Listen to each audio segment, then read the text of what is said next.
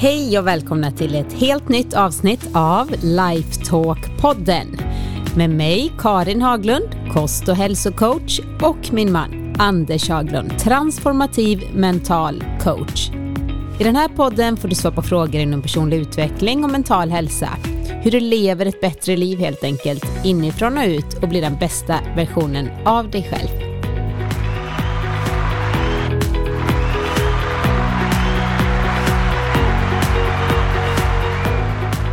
Hej Anders! Hej Karin! Nytt avsnitt. Ja, det är det ju. Yay! Vad kul! Ja. ja. Hur mår du? ja, jag har ju precis kommit ur en liten förkylning. Jag vet inte om det hörs när man spelar in, men... Det låter det ju- lite så här manligt hes. Oh, är det så det är? Kanske ska vara, gå igenom en förkylning oftare då. Jag är helt över den så att säga, men jag känner det fortfarande lite sådär i bihålorna. Så man, för mig så låter det som att man är lite... Du låter inte Förkyld. riktigt som du brukar, men eh, vi var ju ute och eh, promenerade här i morse. Mm, Det var härligt. tog en sväng runt Pickesjön. Drog med dig på morgonpromenad Ja, direkt när vi hade lämnat barnen. Det var Härligt. skönt. ja väldigt skönt. Så nu är du laddad här inför att svara på frågorna som du inte vet. Vilka de är, nej. Precis. Nej, jag vet ju ingenting innan. Det är ju en del som undrar över det. Märker man när man är ute och föreläser och annat. Men eh, Så det är, är ju det. faktiskt så att jag, Jag- får inte se dem och är lika överraskad som ni är som lyssnar på vad det är jag ska svara på. Mm. Så eh, ni som känner att ja, men den här frågan har ni faktiskt aldrig lyft i podden. Kom ihåg, det är bara att kontakta mig. Eller så skickar ni direkt in på vår hemsida och då går de till min inkorg. Mm. Så Anders får inte se några frågor. Så eh, ja, jag brukar ta ut en blandning av eh, frågor som jag tycker. vill säga också att det är karin at lifevision.se. Ja, eller lifetalkpodden.se. Ja. Vilket som går bra. Man kan också skicka till mig på sociala medier, Karins gröna värld, Instagram och så vidare. PM kanske, när man lyssnar på det här och kommer på någonting. Men nu ska jag läsa upp dagens första fråga. Oj, Nu står det bara att hej Karin, men det är nog för att eh, den här personen har skickat till mig. mhm. Hej Karin och Anders, får jag säga då. Jag har lyssnat på flera av era poddavsnitt och tycker att ni utvecklat programmen i en väldigt positiv riktning. Jag uppskattar mycket när ni för en dialog i dessa ofta svåra ämnen. Det känns nära, inkännande och mänskligt.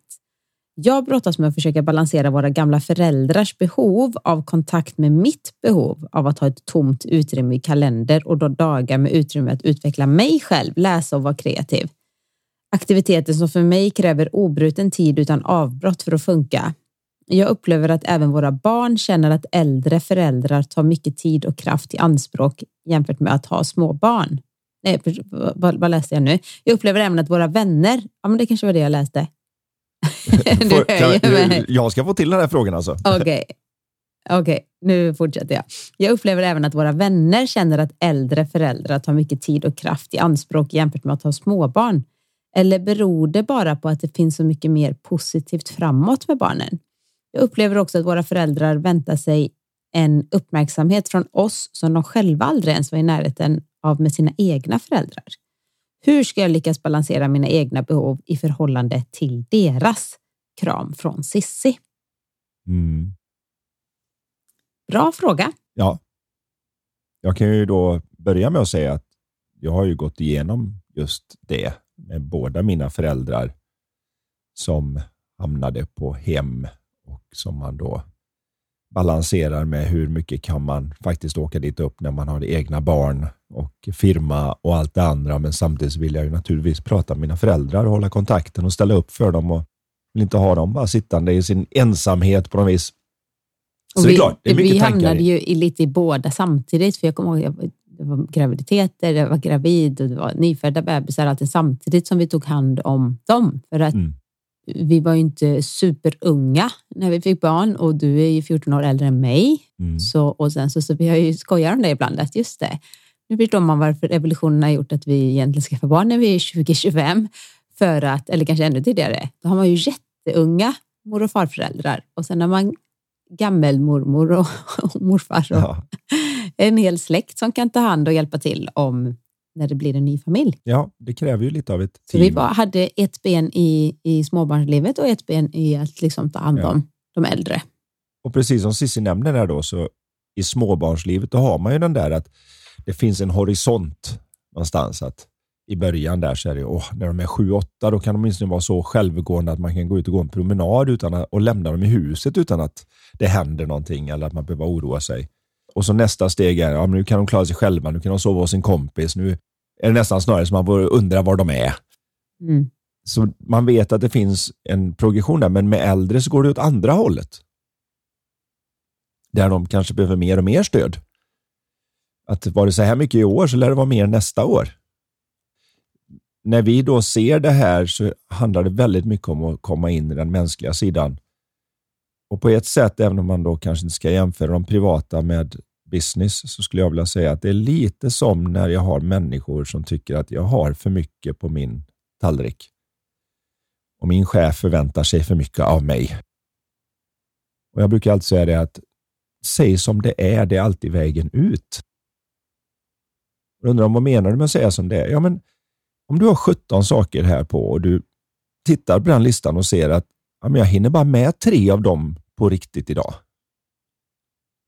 Då tar man ut de tre och så får man gå till chefen och säga då, här är allt jag har på min lista. Men jag ser bara att jag hinner tre och då har jag valt de här tre. Håller du med om att det är ett bra fokus idag?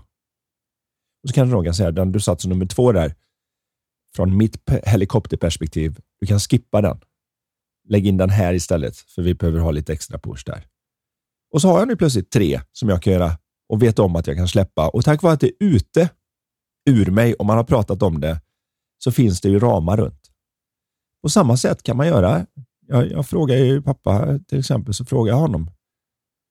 Hur ofta skulle du helst vilja att jag dök upp? Vill du att jag är här varenda dag? Vill du, hur ofta liksom? Ja, det vore ju kul om du kom upp ett par gånger i veckan. Sådär.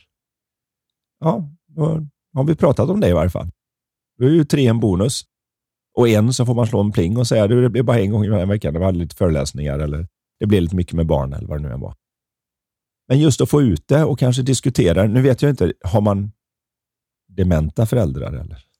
När man går igenom sjukdom och sånt så kanske man inte kan ha den diskussionen. Då har man ju en extra liten börda på sig. Men man måste, de har ju lika lätt att förstå om man väl tar upp ramarna och visar här är vad jag står inför.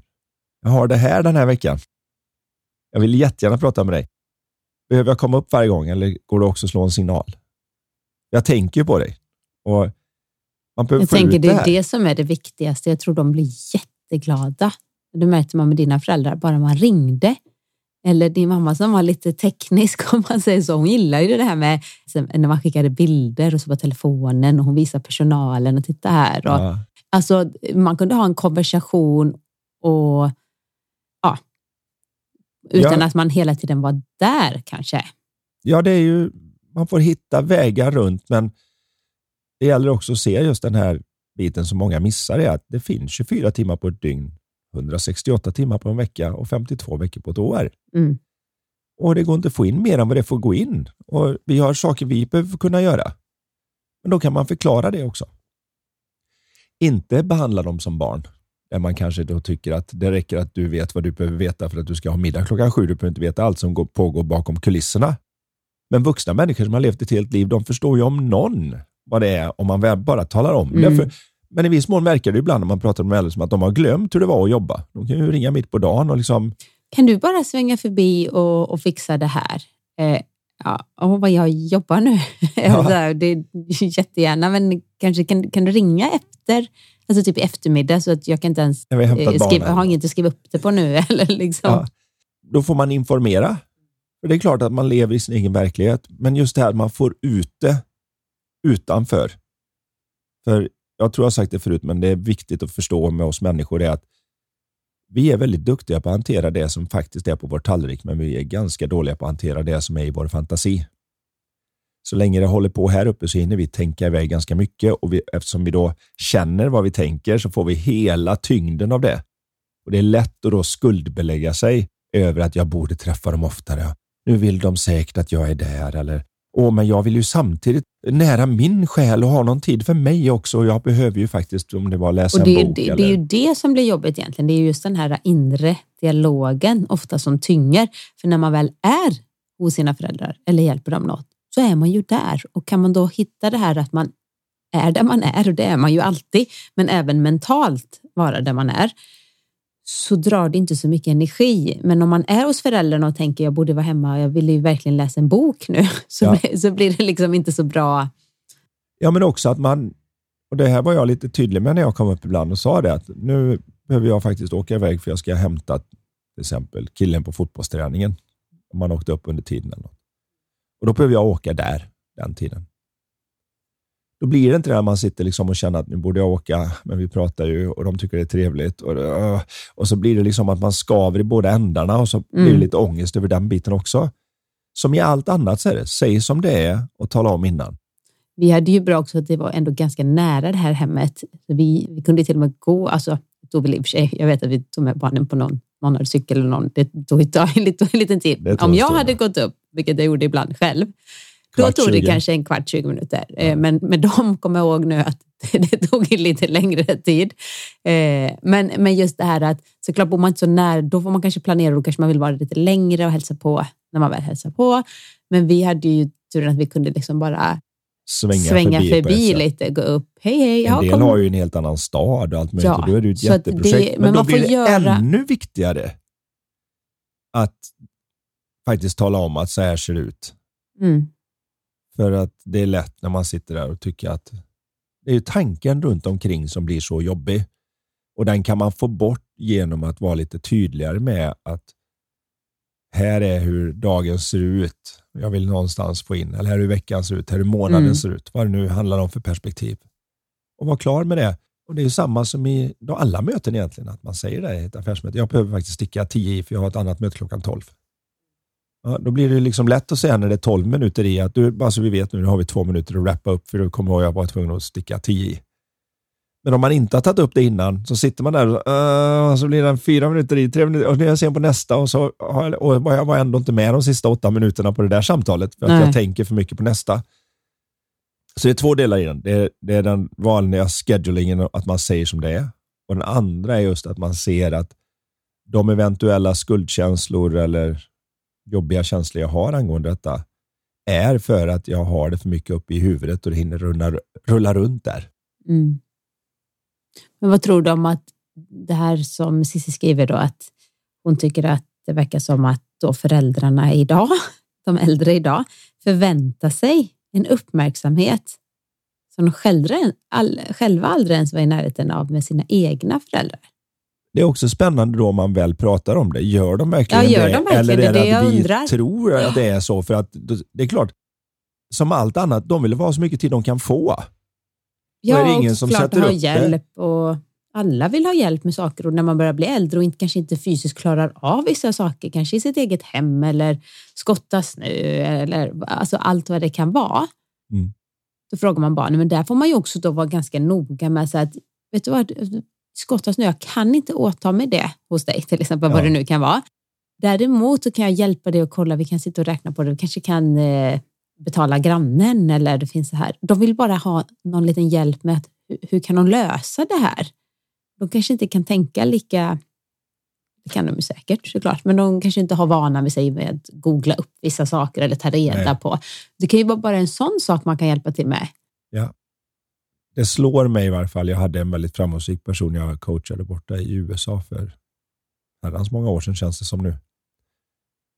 Men han skötte ju om flera företag och han kände ju att jag vet inte, jag ska få in familjen. Och Då pratade jag om det. Vad, vad anser du är viktigast? Och han var så pass då så att även om man ville få in familjen så hade han ju i stort sett utflugna barn som gick på college borta i USA. Så är det ju så redan när du är 16, 17 så åker du iväg någonstans och går på skola. Så att de fanns Just inte det. på det sättet i, nej, i nej. familjen. Nej. Men han sa ju det, min fru vill ju gärna att vi har mer tid. Jag har ju känt att jag jobbar för vår skull. Det är jag som ser till att vi har huset och alla ekonomiska möjligheter och det, det. Jag sa, men har ni pratat om det någon gång? Hur mycket tid vill hon faktiskt ha? Hon kanske inte vill ha dig där 24-7 som du har fått för dig i huvudet. och så sa han det, nej men har du rätt i. Vad är hon viktigast? Ja, men fråga henne först då vilken tid hon vill ha så blockar du in den. Och Han kom tillbaka då på nästa coaching session och så sa han det, nej hon vill inte alls att jag är där jämt faktiskt. Hon har en massa grejer att göra. hon inte behöver ha mig. hon, har, hon har ju ett liv med sina vänner och hon har lite, eftersom de är den typen av familj, välgörenhetsskalor och jag vet inte allt sådär, som hon sköter om som är hennes bebis, liksom, nu när barnen är på skola och sådär. Så hon sa det, jag vill ha helgen med dig och så vill jag ha ett par middagar i veckan där vi verkligen sitter ner och är du och jag. Får jag det så är jag jättenöjd. Liksom. Eh, då funkar det. Ja, vad bra. Bokar in det. Sen gick han då till något av bolagen och sa jag, jag har så här mycket tid nu, de här dagarna som jag kan ge till er. För han funderat lite och så han, så jag kommer in nu, istället för att då tro att han ska vara på varje företag en full arbetsvecka nästan. Så blir det liksom, jag kommer in den här dagen och då kommer vi ha ett möte och det mötet har vi två timmar till. Men då måste alla komma dit förberedda, för då är jag där. Det går inte att komma sen, för då är jag på nästa, för då kommer jag vara med det här företaget. Och så Tydliga om, riktlinjer. För vem, vem, som gör vad här och så. Och då sa han det, alla steppade upp sitt game, så de visste, nu kommer jag på torsdagen. Och då kom alla liksom förberedda. Det här är vad vi behöver hjälp med, här behöver vi beslut. Och så vi, kunde vi, vi var effektivare nu än när jag gick där och bara skulle vara där för att det skulle vara som att chefen ska ju vara där för att sätta tonen för att man har, gör mycket tid.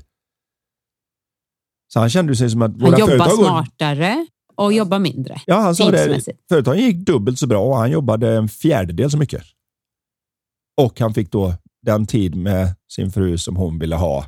När de kunde liksom, och han kände att nu kan jag ju stänga av för nu har jag ju tagit om det. Det tar vi då. Jag behöver inte ha min telefon på så ni kan ringa på en lördag. Då är jag med, med min fru och barnen som kanske är hemma över helgen. Mm. Det är just den här lite tydliga kommunikationen om vad man faktiskt vill och Då visar det sig att förmodligen kanske inte föräldrarna vill ha mer tid. De vill bara känna att de är med i planen. Mm. Och att jag har en, en stund där jag kan få ta mina bekymmer eller få hjälp med vissa saker och att man finns tillgänglig. Men oftast så är det ju så att allting som väl kommer ut i, utanför huvudet är inte så illa som det verkade inne i huvudet. Nej. Jag tror att alla har märkt det om man... Jag har ju fått prata med en del när jag är ute och föreläser, är det en hel del som kommer fram och tycker åh, du är så bra på att presentera och sånt. Coachar du hur, hur man kan bli bättre om man vill prata framför folk? För det är jag lite sådär. Det spännande nästan för alla är ju det att innan de ska upp så är de kräkfärdigt nervösa. Precis när de börjar är de ganska nervösa och när de är fem minuter in så tänker de att vad är problemet? Då tänker de inte ens. Nej, nej men, då, då är det, så, men det är för att nu är det på tallriken nu måste jag göra min presentation. Nu är den inte i huvudet längre. Så medan de gör det, de var nervösa för tre dagar innan, var de jättenervösa. Men när de väl gör det så är det inte så farligt som det var i huvudet. Och bara det faktum att vi ser det gör att vi kan ta bort en hel del av det när vi väl får ut det. Så när man tänker på det här med föräldrar och annat som tar tid och även att jag faktiskt då kanske har en idé om att jag vill ha ett eget liv och hinna med det jag ska göra och inte bara Och det är väl jättebra att man är, precis, det tycker jag är väldigt viktigt att man har kontakt med sina egna behov, om man tycker är viktigt hur man vill leva. Sen är det inte alltid i alla faser i livet som det går att få till. Nej. Men att man i alla fall vet att det här är vad jag önskar. Jag önskar att jag hade mer tid för det här. Än att bara låta sig så att säga köras av livet utan någon plan alls. Den här personen Cissi vet ju i alla fall att jag, jag vill ha den här tiden för mig. Mm. Och då hittar man en sätt att att få till det och ja. göra föräldrarna nöjda. Och jag tror inte heller att föräldrarna förväntar sig så mycket som man kanske tror man när man tänker tror. på det. Nej. För det, det är större där. Och det är just detta att vi människor gör allt sånt som känns okänt för oss till något värre. För det har evolutionärt varit bra att skrämma upp sig lite. Mm. För då undviker du att gå in i den där skogen du inte hittar dig på i mörkret, för du vet att du kan gå vilse. Jag tänker just det här också att se sina föräldrar. Nu är inte jag, nu är min mamma 74 och min pappa 75. Eller min mamma, hon fyller alldeles strax ja. 74. Eh, så de är ju inte så skruppliga än om man säger så. Men det, det blir jättesvårt säkert att se dem åldras. Det här att, som jag kommer ihåg med, med dina föräldrar. Alltså det är ju något jobbigt för barnen också att gå igenom. Det är ju en, eh, kanske varje gång man kommer dit och så har de varit, alltså de blir sämre och sämre. Ja, och det är ju det är en ja. destruktiv fas som där får man ju också ha lite förståelse för sig själv att ja, men det är tufft. Jag sökte ju egen coaching i det där mm. och fick tag i en som var väldigt, väldigt duktig som jag fick prata med, för jag var ju arg på min mamma.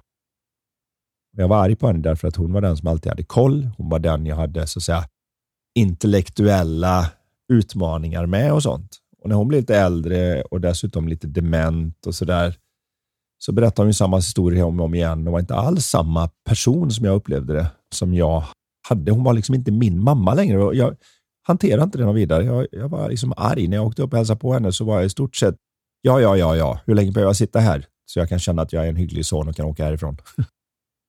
Det är hemskt. Och så pratar de ganska långsamt Ja, också. och samma saker. Och där. Men det var ju det att hela klockfrekvensen går ju ner. Ja. Medan där hon innan var skärpt och jag var van vid skärpt så var det lite jobbigt att hon inte hade den skärpan. Men som sagt var, den här coachen hjälpte ju mig genom att tala om det. Att ja, men du får ju lyssna på känslan bakom vad hon försöker förmedla. Hon försöker få kontakt och hon försöker känna värme. Och hon försöker... och när jag direkt när jag började se den här bakomliggande mänskligheten och jag började lyssna efter det istället, så var det som helt andra möten. Istället för att jag fyllde i hennes historier, för jag hade hört dem förut, så fick hon trala till punkt och jag hörde dem helt nytt och fräscht för att jag faktiskt första gången lyssnade efter att jag försöker få tillbaka min lille pojk här och komma ihåg hur det var, för närtidsminnena är borta. Och Det gjorde att det blev en sån medmänsklighet och en sån värme i det mötet som innan mest var irritation för att jag tyckte att hon kunde komma till saken och vara lite skärpt igen. Och sen lite dåligt samvete och lite annat när jag gick därifrån för jag kände inte att jag direkt hade besökt egentligen. Jag har suttit av tiden. Och nu blev det plötsligt lite kul. Man tog med sig barnen upp och så rullar man ut henne där vid pianot. Hon och så tyckte det de var så härligt och- också bara sitta. Hon behövde inte egentligen att man pratade så mycket med henne när hon, om man säger, var dement. Alltså hon Ja, gillade bara att sitta och hålla henne i handen. Åh, hon, tittade, hon satt och klappade så här. Hon var väldigt så här, ja, hon gillade bara det att, att vi var där. Ja, ja, ja. Och sen eh, som sagt var, vi hade de där ringarna, du vet, man satt och kastade Ja. på en grej där. och Vad det var. Och, och sen de andra som bodde där som varje gång när vi kom upp, "Åh, nej men, är det en liten kille? Jaha. Ja, ja. det är det. Och sen nästa, ja, två barn? För det, var, eh, det, var, Ja. det var ju innan LOD fanns. Som, hon- dog ju tyvärr när LOD låg i magen. Eh, Men det var, har ni två barn? Två små killar? Eller är det en liten tjej? Nej, det är en kille. Ja. Och sen nästa gång man kom upp, Samma igen. men, har ni en liten kill? Eller är det en tjej? Är det en kille? Ja, vi har två barn. Har ni två barn? Åh, en liten kille. Eller var det en tjej? Och man bara så här, nej men hjälp, kan hjärnan funka så? Men det, det är ju det som är det är ju, de måste all eloge till alla som jobbar med äldre. Och det kommer jag just ihåg fall på de det här, det de som jobbade där eh, med din mamma. Alltså, Så mjuka och fina och de, de hittade ett sätt att ta de här äh, äldre Det var ju Alltså, speciellt en man eller kille underbart. där som var jätteduktig med mamma och som gillade henne mycket. Det är ju mycket det det handlar om också. Mm. Man behöver ju, precis som i ledarskap så är det ju så att ska man ha, vara omhändertagande måste man gilla människor. En Det del tror ser jag man då. ju mer att, en del faktiskt ändå, eh, på andra avdelningar när man var där så såg man att de har fått in, som i alla yrkesgrupper, någon som i stort sett tyckte att om det inte vore för de här jäkla äldre så hade jobbet varit okej. Lite som att det finns ju en del som jobbar i butik som Jo, jo, beter sig som att alltid. om det inte vore för kunderna skulle det här vara ett bra jobb. Ja. Och så är det vissa som bara älskar kunderna. Så fort man kommer innanför dörren så bara hej, så lyser de upp. Här kommer en kund, vad trevligt, prata med dig. Ja. Och man ser att de älskar det. Men eh, ja, Jag hoppas att Cissi får ut någonting av detta med eh, svaret om hur man säger som det är. Ja. Att man tar reda på vad förväntningen de facto är och att man på något vis talar om sin egen, här är vad jag har att göra och här är Mm. vad jag vill hinna med. Men Jag vill Mm. också hinna med dig. Hur får vi till det? Så de får vara inkluderade.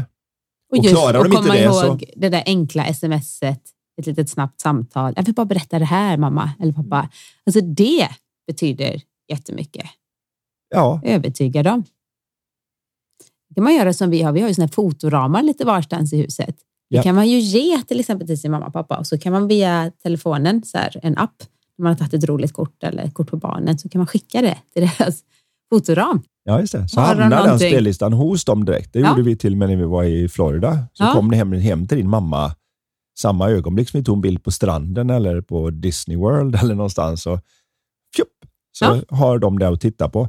Så det kan jag ju rekommendera. Nu, Teknikens... vad heter den vi valde? Nixplay heter det va? Ja. ja. Det är ju ingen Ingen reklam när man bara talar om att den har vi köpt. Nej, det behöver man nog inte reklammärka. Vi är nöjda i alla fall. Ja. Men nu tar vi en ny fråga. Den är så här. Eh, Hej, jag förstår intellektuellt de tre principerna, men de har inte fullt ut sjunkit in i mitt medvetande. Skulle du vilja förklara så att de faller på plats på riktigt? Tack på förhand och tack för att ni finns och sprider så mycket bra kunskap och glädje till så många på olika sätt. Allt gott till er båda. Varma hälsningar Annika. Och då tänker jag att många som lyssnar, va? De tre principerna, vad är det? Mm. Det är kanske där du får börja lite kortfattat bara. Ja, hur många dagar har vi på oss? ja. Om vi ska ta hela historien med det så börjar ju det här, för min del i varje fall, 2009 med en kollega som heter Michael Neal som vi hade jobbat ihop med och som vi har varit och hälsat på hemma hos och är borta i USA och sådär. Han är sån här success coach för Hollywood, man Ja, säga. ja, han har han med är- många. Han jobbar väldigt många så och vi träffades gemensamt för vi båda två hade varit den så pass duktiga på något som heter NLP att Richard Bandler som grundare tyckte att vi kunde stå på scen med honom. Ungefär så. Det hade vi gemensamt. Vi hade våra krigshistorier så vi bondade där. Sen kom han plötsligt där 2009 och sa att jag har hittat något nytt. Och jag förstår inte hur jag kunnat missa det för han är som jag då. Han hade jobbat i bokaffär och läst kanske ännu fler böcker än jag. Och så frågade jag vad handlar det om? Ah, det är här är någon skotsk eh, svetsare som fick en Lidners knäpp och plötsligt blev upplyst och förstod vad som egentligen gällde i livet. Och jag tittade på honom. Vad har hänt med dig nu då? Och så började han förklara då att det han hade sett var att allt, hela vår upplevelse var uppbyggd av tre principer. Och med princip, för att förklara ens vad en princip är, så är det ju så här att en princip är något som är sant oavsett om man tror på det eller inte. En teori, man kan ha en teori om någonting, då behöver vi göra vetenskapliga experiment och se om det förutsäger vad det skulle förutsäga och så kan det börja övergå i att bli en princip.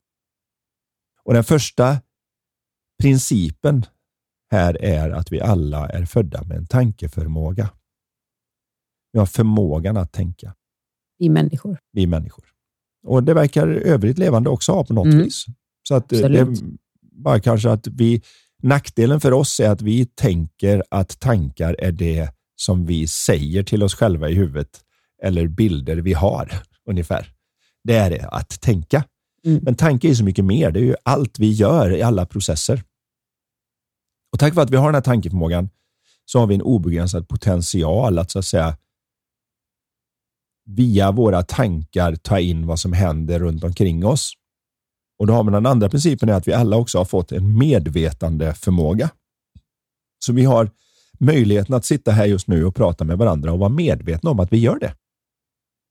Det har däremot inte alla de andra levande grejerna ha, eh, gemensamt med oss som det verkar. Det finns någon form av tankeförmåga, förmodligen i ett träd när det suger upp sina, sitt Mm. vatten Och de kan ju kommunicera löv och, med och varandra, kommunicera med varandra och Mm. sånt. Ja, så att, men med, att vara medveten om att jag gör det, det verkar vara lite mer unikt för oss och kanske några andra primater och delfiner och några mer vad vi kallar högstående former av liv. Men tack vare att vi är medvetna om det så kan vi så att säga spela upp våra tankar, vår tankevärld på vårt medvetande. Lite som att tanke är filmen som rullar i projektorn och medvetande är skärmen som tar emot. Och utan skärm hade du inte sett vad det var. Mm. spelar ingen roll vad du tänker om ingen är där och vet om det. Om Mm. man säger så. Så nu blir det lite den där, vem är det som vet om att jag tänker just nu?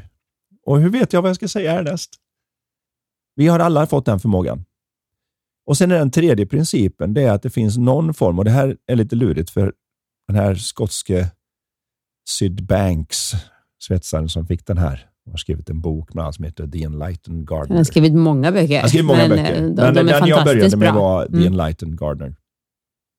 Och Han kallar det mind. Jag tycker ett problem med att kalla det mind är att alla har en idé om vad det är. Jag har ju samma problem när man ska säga det på svenska och så, men jag kallar det livskraft. Att det finns någon form av energi bakom livet som gör att du och jag är levande, men bordet vi lutar oss mot är inte det. Det är, någonting, det är någonting som är fundamentalt annorlunda med något som lever, som har tanke och medvetande. Men det har också någon form av livskraft bakom. Och utan den skulle det inte vara något. Jag, som elingenjör så brukar jag beskriva lite grann som att tittar du in i ett eluttag så är det väldigt tomt där inne, men stoppa dit fingret så är det något där. Mm. Zzzt, säger det med en gång. Så livskraften är kontakten som gör att vi kan använda projektorn och, och skärmen och så vidare. Man kan säga det, pluggar in. det är där du pluggar in hela systemet så du kan titta på någon film. Och när du dör så är det någon som drar ut kontakten. Drar ut kontakten igen, ja. Så ungefär så. Eller så är det inte alls vad som händer, men vi får prata om detta som en metafor eftersom det här är väldigt märkligt. Men när vi är i kontakt med den där kraften bakom livet så verkar vi allihopa ha det vi kallar livsglädje också. Någon form av joie de vivre, som de säger på franska, som är livsglädje. Och De här tre sakerna använder vi alla ihop för att blanda dem i olika former och det blir vår upplevelse av livet.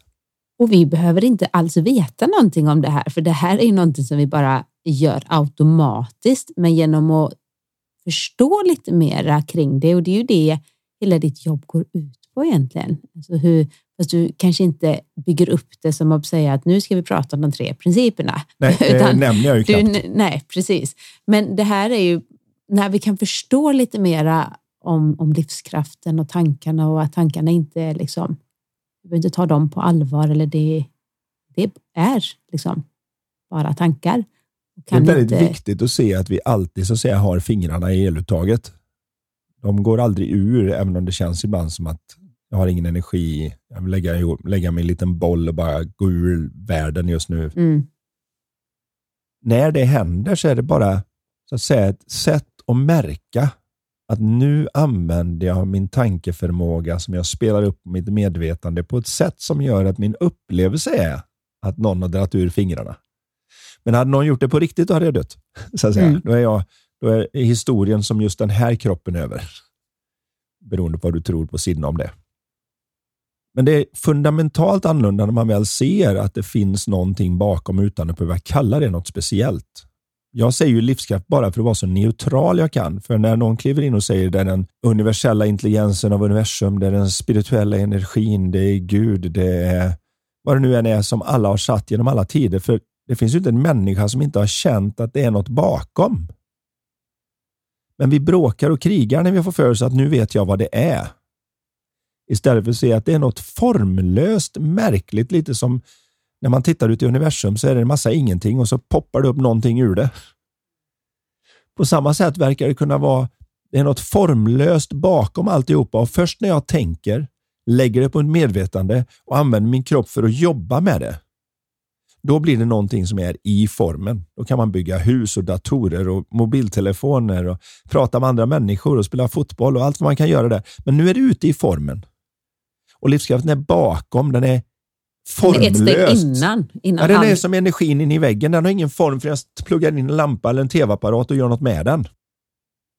Så det är som att vi är, för mig nu då, så är det som att vi är någon form av katalysator eller någon form av brygga mellan det formlösa och formen. Som är unikt för oss. Att vi kan ta mm. ingenting och göra någonting av det tack vare detta. Och Det här är någonting som behöver trilla ner för att man beskriver det som tre saker, men egentligen är det bara en. Man pratar om det som tre principer, egentligen är det bara en. Och Vad vi gör när vi delar upp det i tre, det är att vi fragmenterar. Och vad jag menar med fragmenterande blir lite ingenjörsmässigt här, men tar man ljus och lyser det på en prisma så blir det en regnbåge i andra änden någonstans. Alla har sett när solen eller en lampa lyser på kanten på en spegel och så ser man en liten regnbåge som är på väggen någonstans eller sådär. Och då kan man tycka, vad händer där? Ja, det är ljus som när det fragmenteras blir alla de här fina färgerna. På samma sätt har man en tendens att livskraften kommer in som ljus. Och sen när vi tänker på det och lägger upp det på medvetandet så fragmenterar det ut i 1400 olika känslor och allt vad det nu kan vara för någonting. Tankar och så börjar vi kolla på de sakerna. Är det den tanken? Ska jag ändra den tanken då för att få den känslan? Och så när vi istället för att titta bak vi, mot att det är ljus. en grej, det är ljuset. Liksom. För ska vi vara riktigt så kvantmekaniska annat så är det ju faktiskt så att allting som vi ser omkring oss, även bordet och allt det andra, är fruset ljus. Kunde vi accelerera upp bordet och krockade med ett annat bord i ljushastigheten så skulle det bli en smäll och så skulle allt bli ljus igen. Då skulle allt bara avges som ljus. Så att i stort sett så är allting ljus som du tittar dig omkring. Oavsett om det är fast eller om det bara är så består det i stort sett allting av samma sak nere i botten. En form av ljus. Och saktar du ner ljuset så faller det ut och blir materia och speedar upp materian så går det tillbaka till att vara ljus. Så att när vi väl ser på det så är det en sak där i botten, men ing, det, jag är inte säker på att där vi sitter att vi kan få reda på det. Nej, vår vi relation, kanske inte ska ha reda på det heller. Nej, jag vill nog säga att vår relation till det är ungefär som när jag tittar över på dataskärmen där vi just nu ser hur våra röster spelas in. Jo, när det händer, då ser jag en massa saker på skärmen, men det ser ju ingenting av vad det som pågår bakom i datorn. Det är bara ett användbart sätt att göra det. Och blir jag nu intresserad av, jag undrar hur det här funkar, så börjar jag zooma in på minsta lilla pixel på skärmen. Delar upp pixeln i tusen bitar för att se vad den egentligen består av. Jag har ju fortfarande inte kommit närmare vad det är som händer i datorn, för skärmen är ju bara ett sätt att få en användbart gränssnitt att jobba med. Mm. Och vi jobbar på gränssnittet. Medan livskraften är där bakom och knattrar i datorn. Och Det här märker du ju stor skillnad på när du jobbar med klienter, när du kan peka dem i riktningen åt att se att den här livskraften finns. Ja. Kan man fortfarande välja att jobba så, så här, i det yttre och tankar och känslor och diskutera vissa saker, men, men med en helt annan, alltså du får ju en sån, alltså det här har verkligen gjort mycket för psykologin och förståelsen bakom våra mänskliga beteende. Ja. Vårt mänskliga mående, våra mänskliga prestationer. Ja, som en person beskrev det som jag coachade som var chef på en av våra större banker, så sa han ju det att när jag jobbar med dig Anders, det är första gången som ingenting har förändrats men allt är annorlunda. Och jag frågade honom lite om det och sa men jag är ju så driven och jag kan ju det här. Jag har åkt på alla ledarskapskurser. Jag har gått allt som går att gå från Carnegie och UGL och mm. utomlands på alla olika ställen och allt vad det kan vara. Och Jag har fått alla de här tipsen och trixen och allt vad det nu än är och jag har förändrat allt möjligt. Men om jag ska vara riktigt ärlig så har det aldrig varit riktigt annorlunda inuti. Det här är första gången där vi egentligen inte har förändrat någonting, men bara förståelsen för hur det funkar gör att jag är annorlunda i min relation till samma sak.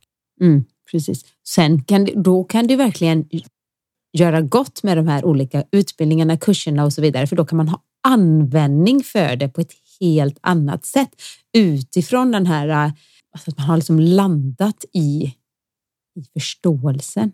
Ja, det gör det väldigt mycket lättare att få hopp när man ser att jag alltid har fingrarna i kontakten. För även när det känns mörkt då så vet jag det att just nu är det bara något emellan. Jag vet inte. Jag hade en klient som verkligen sa det. Liksom. När hon skriver till mig så skriver hon som sign-off så här, fingers in the socket. alltså heter det så på engelska? Ja, på engelska blir det fingers in the socket. Så det är fingrarna i eluttaget. Mm. Eh, eftersom hon då pratar på engelska. Så men det är just den där att ja, man har ju dem där hela tiden, men ibland så skapar vi en illusion av att det inte händer. Och när man för, En enda insikt om det här nere på djupet är mer värd än hundra grejer som jag fixar med på ytan. Mm. Därmed inte sagt att man inte ska göra det. Men det är två olika saker att vara duktig på att spela spelet livet och att leva bra. Att ha en skön känsla i vardagen. Mm att vara okej okay när jag inte har en skön känsla i vardagen. För det, jag märker ju en del som går in i det här och bör, har en idé om vad det ska vara. Att det, deras, innan jagade de de perfekta omständigheterna på utsidan och nu så jagar de de perfekta omständigheterna på insidan istället. Och det är samma Det är samma, det är samma, samma råtthjul. Liksom. Samma kamp. Det är samma kamp. Det är bara det att åh, jag har kommit så mycket längre, jag är så spirituell. Nu är det bara att jag ska må bra hela tiden. Istället för att se att nej, men det är precis som vädret här ute. Det är inte det gjort skiftar. för att vara lika. Det skiftar. Och det är helt okej. Okay. Ja. Det är liksom meant to be. Antagligen är det ju det, precis som vädret skiftar. Ja, är det någon där ute vårat... som lyssnar som är golfare så vet jag till exempel min mamma som undrar varför jag och pappa var på golfbanan så ofta och tyckte att jag förstår inte grejen. När hon väl fastnade så blev hon ju verkligen en av de där golfarna som tyckte det finns faktiskt inga dåliga golfväder. Det finns bara dåliga golfkläder. Så hon tyckte det var lika roligt om det regnade eller om det var kallt. Eller, hon var ju till och med värre än oss när vi tyckte att det är snö där ute. Röda bollar. Mm. och Det blir lite samma känsla till livet där man ser att ja, men jag, det var någon filosof som sa en gång i tiden att jag bryr mig inte om längre hur vinden blåser, för jag har lärt mig att segla min båt. Mm. Verkligen. Det kan vara livet. Ja, det, ja, men det är ju så, för att annars kan man ta en motorbåt och bara trycka sig vidare. Men om jag verkligen har lärt mig att segla min båt så då kan jag till och med segla snabbare i motvind för att vindhastigheten över seglet blir både vinden plus fartvinden. Och Då kan jag faktiskt kontraintuitivt nog få det att gå snabbare framåt när, när det är Man motvind. kommer lite mer i kontakt med sin egen eh, livskraft helt enkelt. Ja, Man Man- lever utifrån... och blir inte lika skrämd av sin tankeförmåga och inte lika chockad över sitt medvetande om det.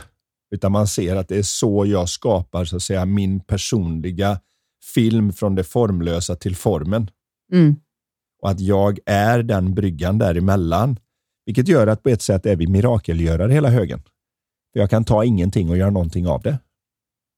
Jag kan få en idé, en tanke och bara, hmm, det skulle jag vilja göra. Och så börjar man samla ihop lite resurser och, i formen och sen har vi ett hus eller ett företag eller en ny uppfinning eller ett sätt att ta hand om barnen eller vad det nu råkar vara som poppar in i det här formlö från det formlösa så poppar det in i sinnet när det nu ligger och svävar så att säga i limbo lite mellan form och formlöst. Och om jag tar tag i tanken, tar den på allvar och gör något med den så ploppar jag ut den i form. Mm. Fantastiskt. Så det är vi alla.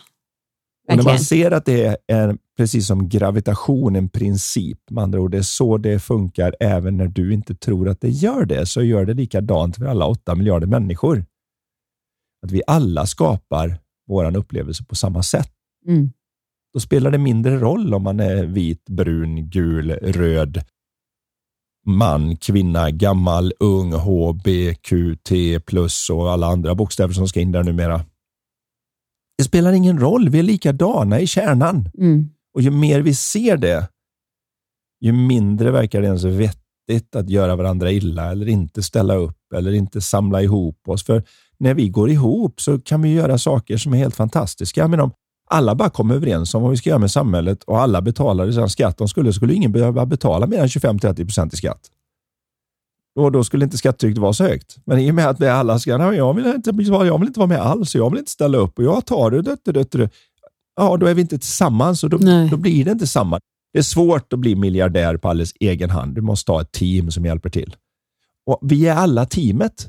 Och För att vi ska kunna vara ett team så måste vi se att vi alla är lika, för annars så ser vi oss som separata små enheter som inte litar på varandra istället för att se att vi är, när vi kommer ner i grunden är vi likadana. Ytan är annorlunda. Vad vi säger och våran style är annorlunda. Men i botten är det samma el som kommer ur, Mm. ur uttaget och kommer in i oss. Och det är det lite vi kallar, som vi har gjort i, i den här podden, vi kallar det mental klarhet. Och det är lite bara ett, ett, ett ord, för, eller två ord, för att beskriva storheten som inte går att beskriva med ord. Men om vi, vi har försökt för att man ska förstå lite att ah, när jag är i mental klarhet, det vill säga att när jag är i kontakt med livskraften, när jag är i kontakt med storheten, Ja. så fungerar allt. Oavsett vad jag ska göra, om jag ska upp och tala inför folk eller så fungerar allt liksom bättre. Ja, det fungerar en- så bra som våran kapacitet och träningsnivå tillåter oss göra det på. Mm. Ett barn kommer ut ur sin mamma över hela världen med potentialen och kapaciteten att göra varenda ljud som någon människa någonsin har gjort. Det är coolt. Så tar vi en svensk bebis och adopterar ner till Kina så pratar de perfekt kinesiska. De kommer inte sitta och säga nej, jag har svenska gener, det är svårt det här. Tar du den kinesiska bebisen och släpper dem i Sverige så pratar de Det är perfekt lite svårare svenska. bara om man tar en 45-åring och placerar i Kina och så tänker att nu det, borde du lära dig flytande det kinesiska. är jättemycket Oj, svårare. vad svårt. För nu har, vi, nu har vi lagt på väldigt mycket tankar och medvetande ovanpå hela det paketet. Men vi är fortfarande oerhört flexibla även på äldre dagar. Det är ju det man märker nu när hjärnforskare och andra upptäcker att hjärnan är mycket mer plastisk än vad man någonsin har trott. Och tanken är, det är bara att man har kommit in i en viss vana och tänka ungefär likadant varje gång som gör att det sitter fast. Och stämbanden har ju naturligtvis blivit använda på ett visst mönster under en längre tid, så när man nu ska prata ett annat språk så låter det annorlunda. Men det är själva grejen med att se att potentialen kommer vi ut med. Den finns där redan. Du behöver inte jobba på den. Här, det är gratis. Du kommer med inpluggning i livskraften. Du kommer med förmågan att tänka i stort sett obegränsat med tankar och du kommer med förmågan att kunna vara medveten om det. Så har du lust att sätta dig vid pianot och öva lite grann så kan du lära dig spela piano. Slänga till dig en gitarr så kan du spela gitarr. Vill du lära dig om aktier så behöver du bara göra det. Så, så blir det som ett nytt språk som plötsligt låter naturligt att prata ekonomi så att säga. Eller, Mm. eller prata coaching om man nu hållit på med det i 25 år. Eller vad det nu än är som vi har nördat in oss på så finns potentialen för varenda av de grejerna.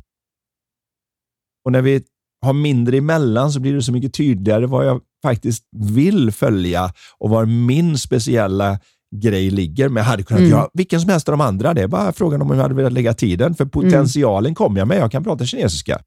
Det har inte försvunnit sedan jag var liten. Det är bara att när du har bott i sju, åtta år, eller kanske upp till 12, 13 brukar man kanske säga, i, en, i ett område, så, så tänker hjärnan att det verkar som att det är det här språket som gäller här, så då kan jag liksom stänga av den modulen och inte låta den dra om någon energi längre. Mm.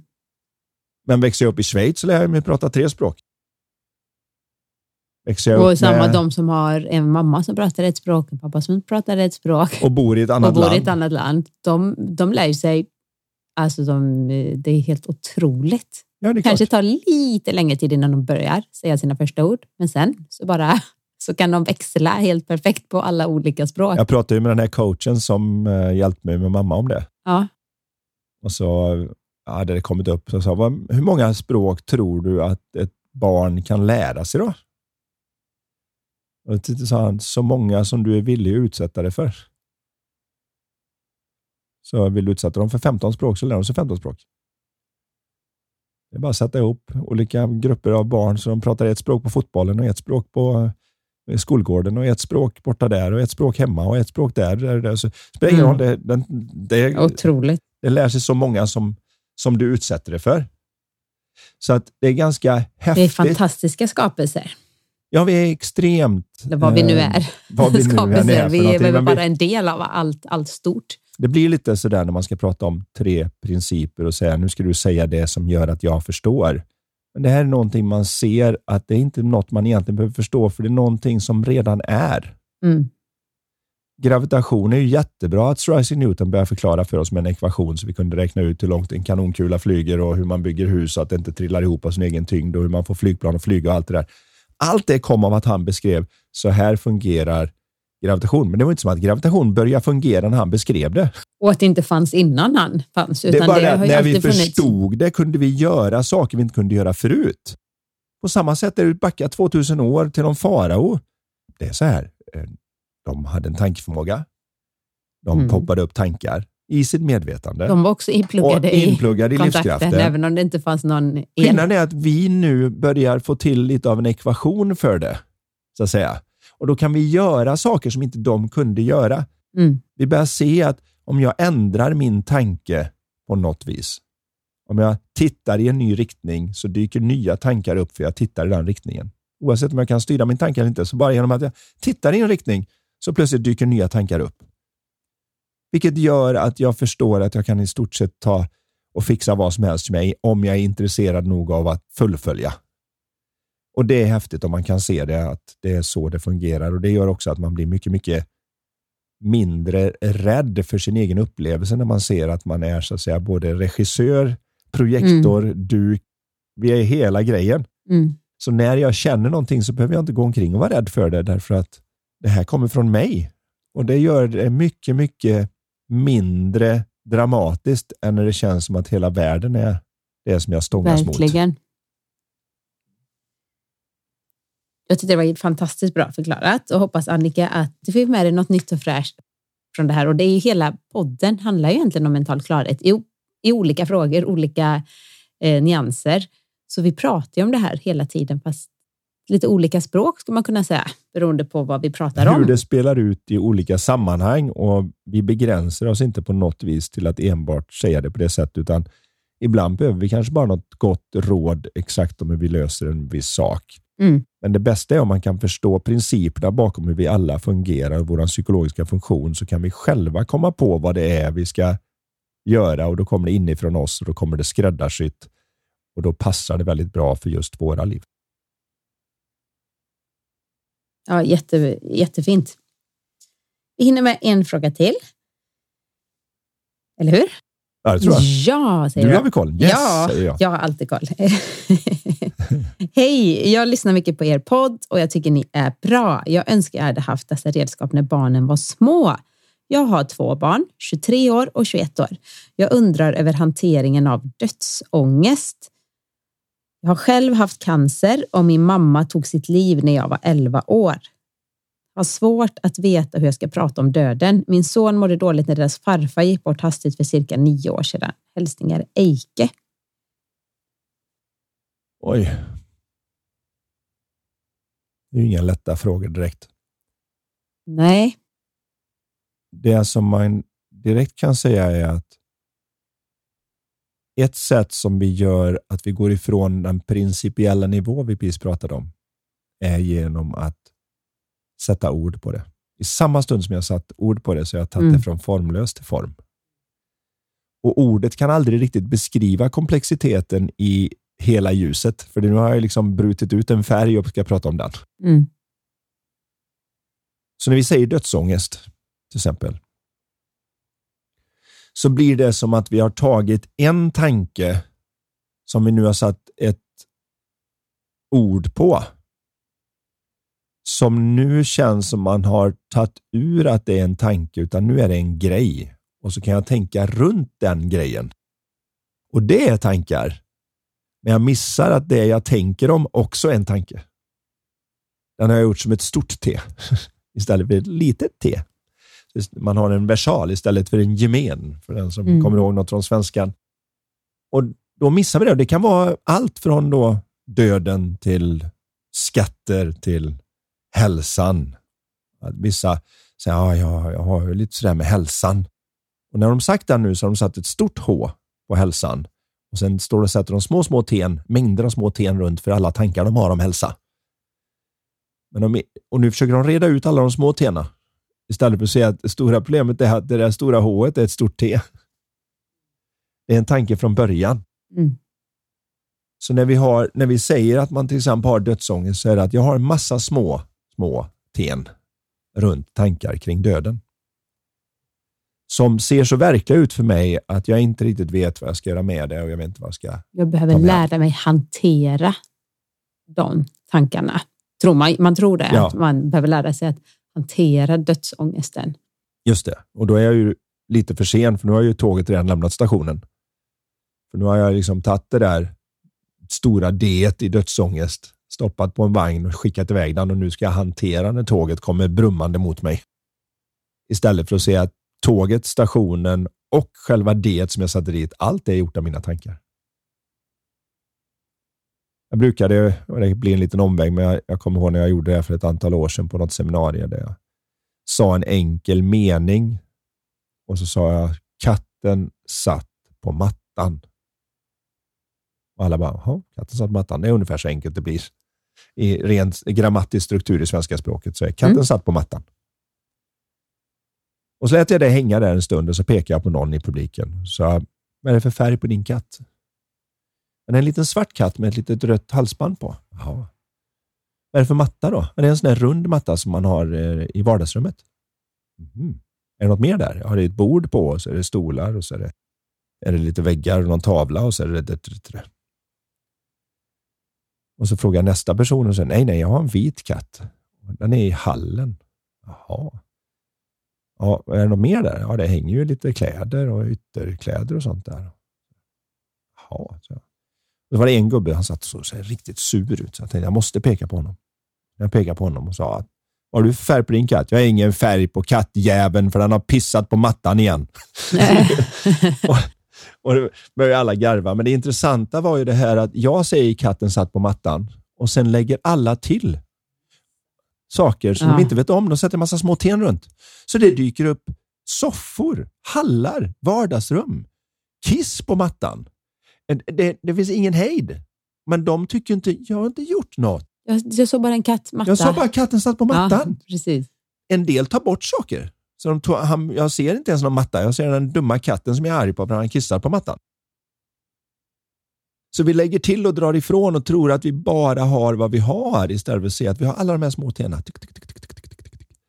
Och när vi då tar döden som är ett sånt här stort grej, för det är så slutgiltigt för oss alla på något vis. Jag önskar ju att vi alla levde för evigt. Och... Och det är ju något stort. Föd, födseln är stort Ja, är och döden är stort. Så det, är, det är stort, det kommer alltid vara stort. Ja. För det är den gången vår fysiska kropp i alla fall Ja, lämnar, tar, tar sitt sista. Men grejen är att man börjar Andetag. se att det är ingen idé att hantera alla de där små tena som vibrerar runt det där stora det, döden. Utan vi går rakt på att det är en tanke om döden också. Det är för att när någon, när någon säger döden så är det någon som säger Hå? och har liksom inte så mycket tankar. Det är en ganska tom. Medan andra har ett helt hus med mattor och stolar och rubbet kring det. Och självklart när man då har varit med om så den här personen något så tragiskt som att ens egen förälder väljer att lämna livet, vilket är tufft i vilken ålder som helst. Ja, då har man ju ett litet extra paket med små ten runt det där Mm som känns som det är så på riktigt för att jag känner så starkt. Istället för att se att, vänta nu lite grann, hur var det nu? Just det, jag har lagt på ett lager här, ett ganska tjockt lager, så jag kan inte ens, jag kan inte ens se igenom alla små ten så jag ens ser det stora D där i mitten som också är en tanke. Och då är vi tillbaka på att säga som det är. För det är så lätt att man tassar runt, för man vill så gärna inte rucka båten för mycket. Som jag har hört den någon gång. Det här är en privat konversation för länge sedan, men jag hade en tjej som sa, berättade någonting för mig och så efteråt så sa hon så här, men säg inte det till henne nu. Hon har det lite jobbigt. Och jag kunde inte låta bli att titta på henne och säga det, så att du har gjort dig själv till Gud här nu. Ja, vadå? Nej, jag har inte. Vad, vad pratar du om? Jo, för du har nu stått här och bestämt att den här andra tjejen, hon är så liten och svag och har det så jobbigt just nu att hon kan inte hantera sanningen, men hon är okej med en lögn. Och då har du bestämt åt henne. Och Jag tror att vi alla kan hantera sanningen och sanningen måste inte sägas hårt. Den måste inte sägas brutalt, som många tror. Den kan sägas mjukt, kärleksfullt och mänskligt. Och från det språket man själv har. Ja. Då blir det sant på något sätt. Men då kan man ta upp det, att till exempel man säger som det är. Vet du vad? Jag har lite issues, jag vet inte ens hur jag ska ta mig an ämnet. Mm. För det här hände mig. Och dessutom som man haft någon cancerscare och vad det nu kan vara. Och jag förstår om det här gör att ni tänker mycket på det och att det kan leda till en ångest. Och eftersom det är tankar om, det, eftersom det är tankar om döden så kallar man det dödsångest. Hade det varit tankar om livet så är det någon form av livsångest. Eh, så att det här är just att man går ner och ser att vänta, ut med det där vi kan hantera det. Ha det som en vanlig mänsklig diskussion. I samma stund som man kan se att det här bara är tankar jag har kring ett visst ämne, även om jag tror att så fort jag namngett det så är det inte längre tankar, utan tankarna jag tänker om det ser jag, men inte själva grejen ser jag inte. Men om jag kan göra det så är vi i samma läge igen, att Mm. nu är det ute, nu är det på tallriken, nu är det något jag kan. Nu kan vi börja navigera det här på ett gemensamt sätt tillsammans, för nu är det ute istället för att var och en går så att säga på sitt håll. Och Det "Åh, säkert det att- här kan jag inte säga till mamma, för det vet man ju att då skulle hon bli ledsen. Eller det här Mm. kan jag inte säga till min son, för det här vet jag ju att de har haft jobbigt med detta. Och så gör man samma sak, man sätter sig i någon sorts gudaposition när man Ja. säger vi kan inte prata som vanliga människor om detta för att jag är livrädd för att det ska ta oss till ett ställe där... Och då, om man aldrig pratar om det, så blir också det en konstig, vad är egentligen döden? Alltså Ja. det, tänk, jag tänker barn är egentligen jättenyfikna på, ja, vi föds, vi dör och död. Alltså där har vi ju, och när någon dör, i, kanske i närhet farfar eller farmor eller eh, vad det kan vara, så har man ju också en möjlighet att, att prata om döden. Ja, för då sätter du tanke i form och när tanken är i Och form det så som, kan vi börja. man behöver inte ha en så agenda för det, utan man pratar från hjärtat. Just nu är jag ledsen, eller vi Eh, i somras när din, eh, eller våran kompis, eh, som är din barndomskompis, kan man säga. Och jag har ju ändå också känt honom i, i nästan 20 år. Det var fruktansvärt jobbigt och barnen såg oss gråta, var ledsna och så vidare. Och jag har inga problem med det överhuvudtaget. Utan jag säger liksom, jag är bara, ja, är det, är det, för att, är det, är det han liksom? Så här, ja, det är därför jag är ledsen nu. Ja, ja de, de tycker inte det var konstigt heller. Ja, ja. Och så antingen var de också lite ledsna eller så, nej, jag är inte ledsen ja, men de, nu. De nej, förstår men, ju det. För, för jag, jag säger att som, jag tycker bara det är jättesorgligt att, att han har, har dött. Ja. Eh, och jag sörjer nu. Och ja, självklart är man ledsen när någon dör. Och är man inte det, det, det då kanske det är självklart för den personen. Det, och det här som liksom, den här personen skriver om min son mådde dåligt när deras farfar gick bort hastigt för cirka nio år sedan. Vem mår inte dåligt när någon hastigt går bort? Om man har en nära relation. Om man har en nära relation. Alltså, det är ju fullständigt naturligt skulle jag säga. Så lägg inte på ett extra ok här att oj, jag har varit med om det här också. Ja, livet är dramatiska upplevelser. Det är massa positiva upplevelser. Det är det som är livet. Det är en salig blandning av högt och lågt. Och ju mer vi är, som den föregående frågan, i kontakt med livskraften, i kontakt med källan bakom livet, desto mer så har vi inga problem att, att prata om döden eller vara ledsna över döden eller känna vad vi än känner. Det, det är bara, och då blir det så avdramatiserat och så mycket enklare. Ja. Det är ju så att draken blir stor inne i sinnet och är inte alls så stor utan snarare väldigt enkel att hantera på utsidan. Mm. Och att börja se det, att hemlisen är att prata från det du ser. Inte vad tror jag Anders skulle säga, eller vad tror jag den här personen som verkar så himla smart skulle säga. Det är ditt liv och jag har märkt att det som är mest näringsrikt och det som är mest hjälpande för en annan person är att man säger det man ser från där man befinner sig. Jag vet inte, men det här är vad jag ser om detta. Jag kämpar med det här själv. Men det som jag skulle vilja kunna se det är att ja, och så berättar man lite. Och så kan det vara hjälp, det kommer vara mer hjälpande att ta det från hjärtat än att försöka säga något snyggt man har läst och eller hört. Och också ta det från när man är där, från det stället där man är mentalt klar. När man, man kanske skickar ut och kommit på här nu, skickat in en fråga att just det, det här med döden och dödsångest och hur pratar jag med barnen? Det har redan liksom poppat upp i den här personens medvetande som en tanke, blivit medveten om, ja det här tänker jag, det här är någonting jag vill göra någonting med. Sen så kan man då vänta på så här rätt tillfälle när man känner att alltså det, det ligger där och väntar så att det kommer bara komma ut när det är meningen, när man sitter kanske och pratar eller pratar med ett av barnen och så alltså helt för att tanken har redan poppat upp och man har redan tagit tag i den och tänkt att det här, det här var nog bra. Mm. Och, och då är det bra att göra det. Så följ det det finns inget facit i hur man gör utifrån att man, precis som du säger, säger som det är. Och det kommer igen egentligen i första frågan också där. Det känns som när man tar upp saker att tanken i sig kan vara farlig, men det är verkligen kejsarens nya kläder. Om du kan se att tanke bara är det som poppar upp i din personliga tankeförmåga, som vi är sammankopplade via våra, vårt medvetande och livskraft till, så blir det så mycket mindre farligt. Det blir som kejsarens nya kläder. Så fort det där barnet sa att men han har inga kläder på sig, då blir det som att min dödsångest har inga ten runt sig längre. Då blir den avklädd. Och när den är avklädd så är den inte så stor och bullrig som den verkade. Utan då är det en del av livet. Mm. Och den, den är varken mer eller mindre påtaglig än vad jag råkar tänka att den är för tillfället. Om jag kan se det, då håller jag åtminstone lite grann i ratten över min upplevelse snarare än att känna mig som att styrd av. Som att det själva dödsångesten kommer och fångar mig och att jag är ett offer för den. Så är jag plötsligt inte det, utan jag är, liksom, jag är, jag är författaren till den. Mm. Och är jag författaren till den så är det, även om en författare kan säga jag kan inte tro att de sa det här, men herregud vilken människa, vad som sådär. Alltså de kan bokstavligen vara lite förvånade över vad karaktärerna hittar på när de sitter och skriker, skriver. Mm.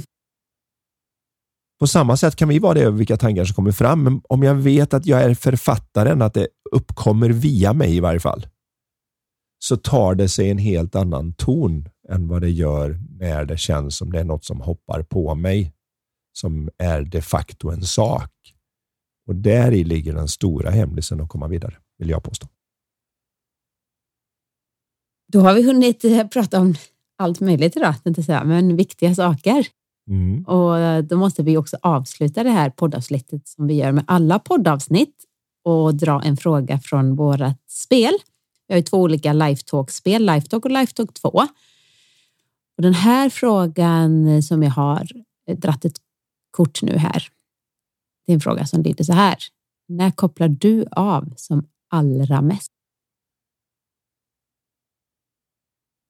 Det är en bra fråga att ta som avslutning för ja. man behöver vara lika duktig på att vila och återhämta sig som man är på att jobba, skapa, kreera och vara produktiv och effektiv. För det är också en liten dans, precis som sinnet är en dans mellan högt och lågt. Så är det hur livet funkar även på det andra hållet. Så med det, Med det lyssnare. så tackar vi för oss idag och så är vi tillbaka om två veckor. Hej! Tack Anders! Du har lyssnat på Lifetalk-podden. Vi vore så tacksamma om du vill lämna ett betyg och eller en recension i iTunes. Dina frågor de kan du skicka till oss på lifetalkpodden.se. Spelet Lifetalk finns också att beställa där. Vill du komma i kontakt med oss rörande samarbeten, coaching, föreläsningar och event? Då kan du mejla till karin.lifevision.se. Tusen tack för att du har lyssnat! Och du, gillar du podden? Dela den gärna vidare och tipsa om den i sociala medier. Låt oss tillsammans göra världen lite mer mentalt välmående.